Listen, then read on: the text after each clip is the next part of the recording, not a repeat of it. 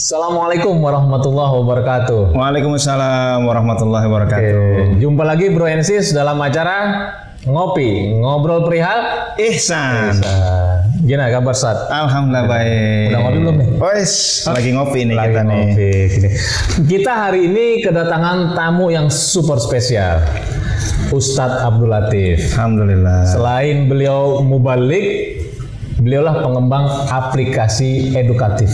Pengembang aplikasi edukatif ya? Iya. Apa? Hatam kalau nggak salah? ya? Hatam. Hatam itu singkatan dari hafal tanpa menghafalkan. Nah, cocok. Hafal tanpa mau. Udah download belum? Jangan lupa download. Iya, Ustaz Ya, ya? sip, Ah. Oke, ini hari ini kita mau bahas tentang eh, ini Ustaz, tentang game online nih. Oh, ini, Ini dia. ada berita nih. Mungkin kita Bro NC sudah dapat kabar juga. Ini ada game, game itu dijadikan alat pedofil. Waduh. Jadi boleh cerita dulu nih. Gimana ceritanya, ya? gimana nih? Asbabun nusulnya. Nah, jadi ini ada anak-anak yang uh, senang main game. uh, itu di game itu ada fasilitas chat. Aduh. Nah, di fasilitas chat itu akhirnya kan orang bisa selain main game bisa saling chatting. Hmm. Dari situlah makin akrab, lalu tukeran nomor WA. Oh, oke. Gitu.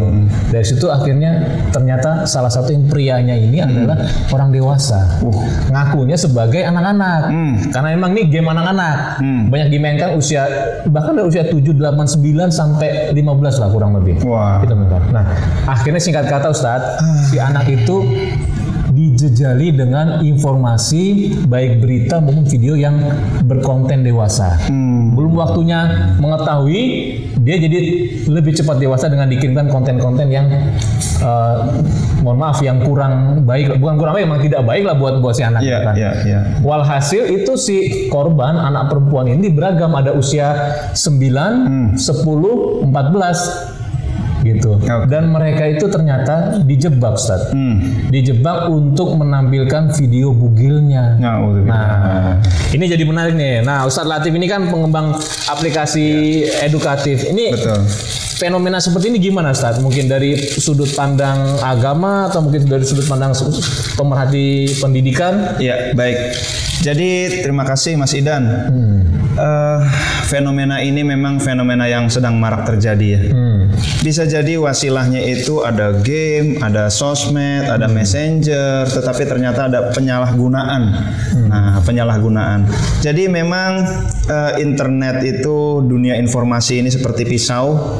Jadi kalau kita salah-salah menggunakannya, ini bisa berdampak kontraproduktif. Betul. Uh, terutama pada anak-anak. Jadi karena anak-anak ini memang mereka cara berpikirnya tidak seperti orang dewasa yang bisa jadi itu begitu banyak pertimbangan. Kalau anak remaja kan berpikirnya sekali saja. Kan ada tuh lagunya. Biasanya para remaja berpikirnya begitu ya. Kayaknya- sekali saja. Lagu siapa tuh? Ebit Gade. Ebit ya ada. betul banget betul. Kayaknya Rama Irama juga kalah kalah bener sama dia nih. Oh kalah. gitu. Jadi tanpa menghiraukan akibatnya itulah para remaja. Nah, maka eh, remaja sekarang ini memang perlu diedukasi. edukasi. Edukasi. Anak-anak nih, Ustadz, contoh kasusnya. Ya anak-anak. Jadi yang pertama kepada anak-anak ini orang tua perlu melakukan penempatan atau pembatasan. Apa saja pembatasannya? Yang pertama pembatasan waktu. Anak-anak katakanlah umur 9 tahun berarti 9 kelas tahun. berapa tuh? Empat Sembilan ya. pun kelas empat, Kelas tiga, 4. Nggak bisa kurang tuh. Boleh. Boleh. Kelas 4 gitu ya. Ini kan masih anak-anak sekali. Maka katakanlah boleh megang gadget, ini weekend saja. Weekdays nggak boleh megang. Seperti itu. Lalu anak-anak ini kan senang reward ya. Kita bisa berikan mereka juga nggak ada kepentingannya terhadap eh, gadget sebenarnya lain dengan anak usia SMA. Mereka tugas-tugasnya memang eh, terkait juga dengan internet. Mereka harus browse dan lain sebagainya. Oke. Tapi anak SD nothing to do with internet Oke. mereka bisa kita challenge anak-anak itu katakanlah anak senang apa oke saya pengen mainan eh, mobil-mobilan remote control oke eh, kamu dapat rem- mobilan remote control dengan syarat kamu puasa megang handphone selama dua pekan. Nah, seperti itu. Itu prasyaratnya. prasyaratnya.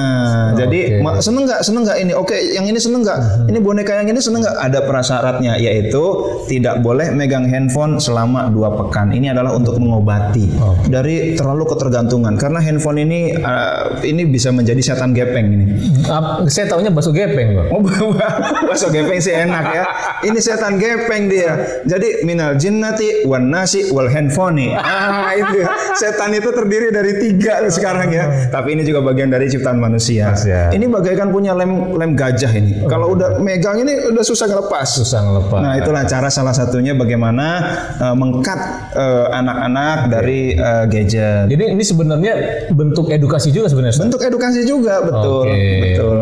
Dan memang di dalam eh, Islam Rasulullah Shallallahu Alaihi Wasallam bersabda, min husni Islamil mar'i tarkuhu ma la ya'ni. Dari kebaikan Islamnya seseorang, ciri-ciri baiknya Islam seseorang adalah ia meninggalkan hal-hal yang tidak bermanfaat. Oke.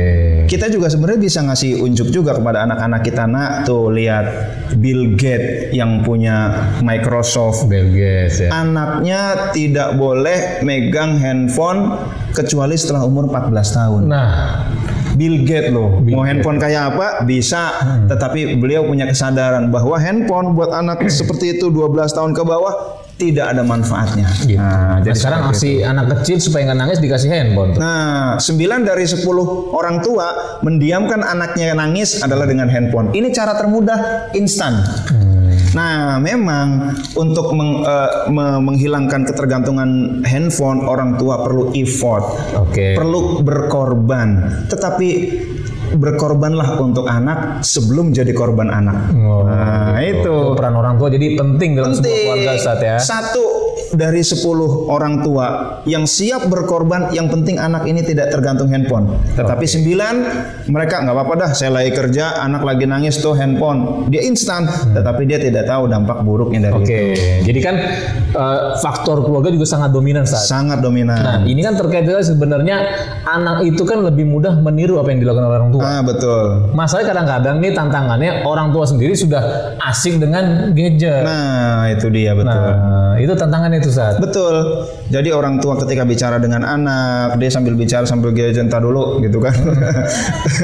Eh, Ntar nih penting nih gitu ya. Ini juga merupakan pendidikan juga orang tua berbicara sepenuh hati atau tidak seperti itu. Penting orang tua ngajak main anak, nggak apa-apa lah, agak gila-gila dikit gitu ya.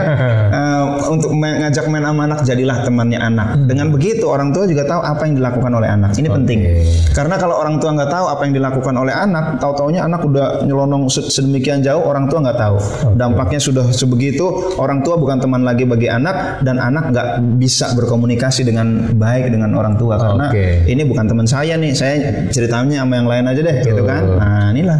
Oke. Bro Ensis, jadi yang menarik nih menurut uh, Ustadz Latif ini hal paling penting itu adalah peran keluarga pertama Iya, ya. penting. Karena keluarga khususnya orang tua. Betul. Orang tua ini juga harus memperhatikan tumbuh kembangnya anak. Betul. Itu kan jangan sampai orang tua tuh lost control. Akhirnya yang mendidik anak kan adalah smartphone. Smartphone, Seperti itu. betul. Dididik oleh smartphone. Oke, dan yang kedua, oke dalam penggunaan gadgetnya atau gawe juga harus bijak gitu. Betul, ya. bijak. Betul. Tadi kayak ada penempatan, Penempatan, waktunya, waktunya. penempatan eh, apa namanya tadi sampai tempat, tempat. tempatnya. Biasanya kan kalau orang tempat itu orang yang sesuatu yang gawe sering sembunyi. sembunyi Makanya mulai penting juga tua. menaruh Nah. menaruh PC visi ya. atau apa eh, Di komputer itu di ruang-ruang tengah gitu Betul, ya. tempat yang bisa diakses oleh banyak orang. Apalagi kalau kalau katanya nih kalau anak sudah menyendiri asing dengan megang smartphone itu perlu kita Diselikidi. diselikidi Iya, betul. sama Asmuni sama Timbul. ini emang orang lama ini Ustaz Lawas jadi Iya, masih iya, ingat Sri Mula. Jadi itu pun ya salah satu gejala itu kan Ustaz ya. Betul, betul. Nah, sekarang kalau faktor lingkungan apa Ustaz kira-kira? Tadi kan faktor keluarga dan juga faktor uh, dorongan agama bahwa uh, dianggap baik itu ketika dia bisa meninggal hal-hal yang tidak bermanfaat. Betul. Nah, faktor lingkungan karena nggak nggak tertutup kemungkinan ya Bro Ensis ya. Ya, Di rumah aman, betul. Penanaman eh, apa keyakinan dalam hal keagamaan bagus. Ya. Di luar ini saat Ya. gitu. Jadi eh, salah satunya adalah kita lakukan pendidikan kepada anak, penyadaran bahwa kita ini sedang bisa jadi sedang dihancurkan oleh pihak-pihak yang tidak senang dengan perkembangan anak-anak kita. Mereka perlu aware itu, perlu sadar bahwa ada upaya menghancurkan mereka. Kita sampaikan apa yang dihancurkan pertama, mata mereka bakal hancur. Yang kedua, begini leher mereka bakal hancur. Yang ketiga, kebahagiaan mereka juga bakal hancur. Yang biasa tidak bisa lepas dari ini ketika ini ada itu hidup hidupnya kosong. Saya mau ngapain ya? Saya kayaknya kosong Hampa, begitu. tanpa handphone, hampa. hampa tanpa handphone. Nah, ini bisa merenggut kebahagiaan mereka. Lalu juga eh, konten-konten pornografi itu bisa menghancurkan nilai-nilai akademik dan lain sebagainya. Biasanya yang nilainya nilainya bagus lalu tiba-tiba jatuh perlu diselidiki. Jangan-jangan dia sering mengakses konten-konten pornografi. Nah, lalu yang selanjutnya adalah pendidikan kewaspadaan. Nah, Bagaimana tuh? Nah, misalkan anak-anak anak-anakku kamu eh, seandainya memang tidak bisa lepas kamu harus eh, browsing untuk melakukan apa namanya pelajaran untuk menjawab dan lain sebagainya silakan tapi hati-hati Nah, hati-hati karena di situ di ini nih ini banyak penjahat yang akan menghancurkan kamu ini perlu diberi ya. kewaspadaan memang di zaman sekarang ini eh, menghancurkan itu bisa lebih cepat dan anak ini dulu katakanlah SMA SMP itu hancur sekarang dari SD mulai dihancurkan maka sekarang sebenarnya ada cara yang tepat cara yang paling enak cara yang paling mudah orang tuanya juga enak yaitu menyantren Nah, pondok Ah, pesantren ya. Pondok pesantren. Mengapa demikian? Karena menyantren itu enak. Orang tuanya kerja juga asik. Lalu mau ke mana-mana, ternyata anaknya dijaga di pesantren. Minimal dengan dijaga itu penjagaannya di pesantren relatif lebih baik lah, insya Allah. Oke. Ha-ha, karena bisa jadi nanti bakal terlambat nih. Udah terlalu asik dengan handphone, pesantren nggak boleh ada handphone. Oh. Maka bisa jadi nanti anak-anak yang sehat, sehat dari penyakit apa? Penyakit gadget. Itu adalah bisa jadi anak-anak pesantren. Pesantren ya. Dan bagi yang tidak pesantren bagaimana? Lagi-lagi orang tuanya harus siap berkorban untuk anak, jangan sampai jadi korban anak. Nah ini betul, effortnya harus siap effort lebih banyak. Nah itu. Alhamdulillah, aneh nyantren Ustaz. Alhamdulillah. Kapan nyantrennya? Pesantren kilat. Oke, berarti jadi ada eh, tiga ya tadi ya. Tiga, Yang tiga. pertama itu adalah peran orang tua. Kita peran orang tua. Orang tua tuh harus memperhatikan tubuh kembangnya anak, sehingga benar-benar orang tua mendidik anak, bukan Betul. dididik oleh smartphone. Nah itu. Yang kedua, bijak dalam menggunakan smartphone. Smartphone. Dalam hal tadi penempatan ruang, penempatan waktunya, Betul. seperti itu. Dan yang ketiga, untuk faktor eksternal, Betul. karena kadang-kadang di keluarga aman, Betul. penanaman keagamaan juga udah bagus, di luar itu kan lingkungan ada teman-teman. Betul. Pondok pesantren bisa menjadi salah satu Salah satu solusi. Oke, Bro Nesis, eh, insya Allah ke depan kita akan banyak masih diskusi nih, Ustaz Oke. tentang uh, aplikasi pengembangan uh, pendidikan. Sip. Nah, ini kan menarik juga. Menarik. Nanti kita bahas lain episode Ustaz ya. Oke siap. Masih sempet lah ya, masih ada waktu ya buat Masih sini ya. selama kopinya masih ada. Kalau gitu kita ngopi Oh iya siap. Bismillahirrahmanirrahim.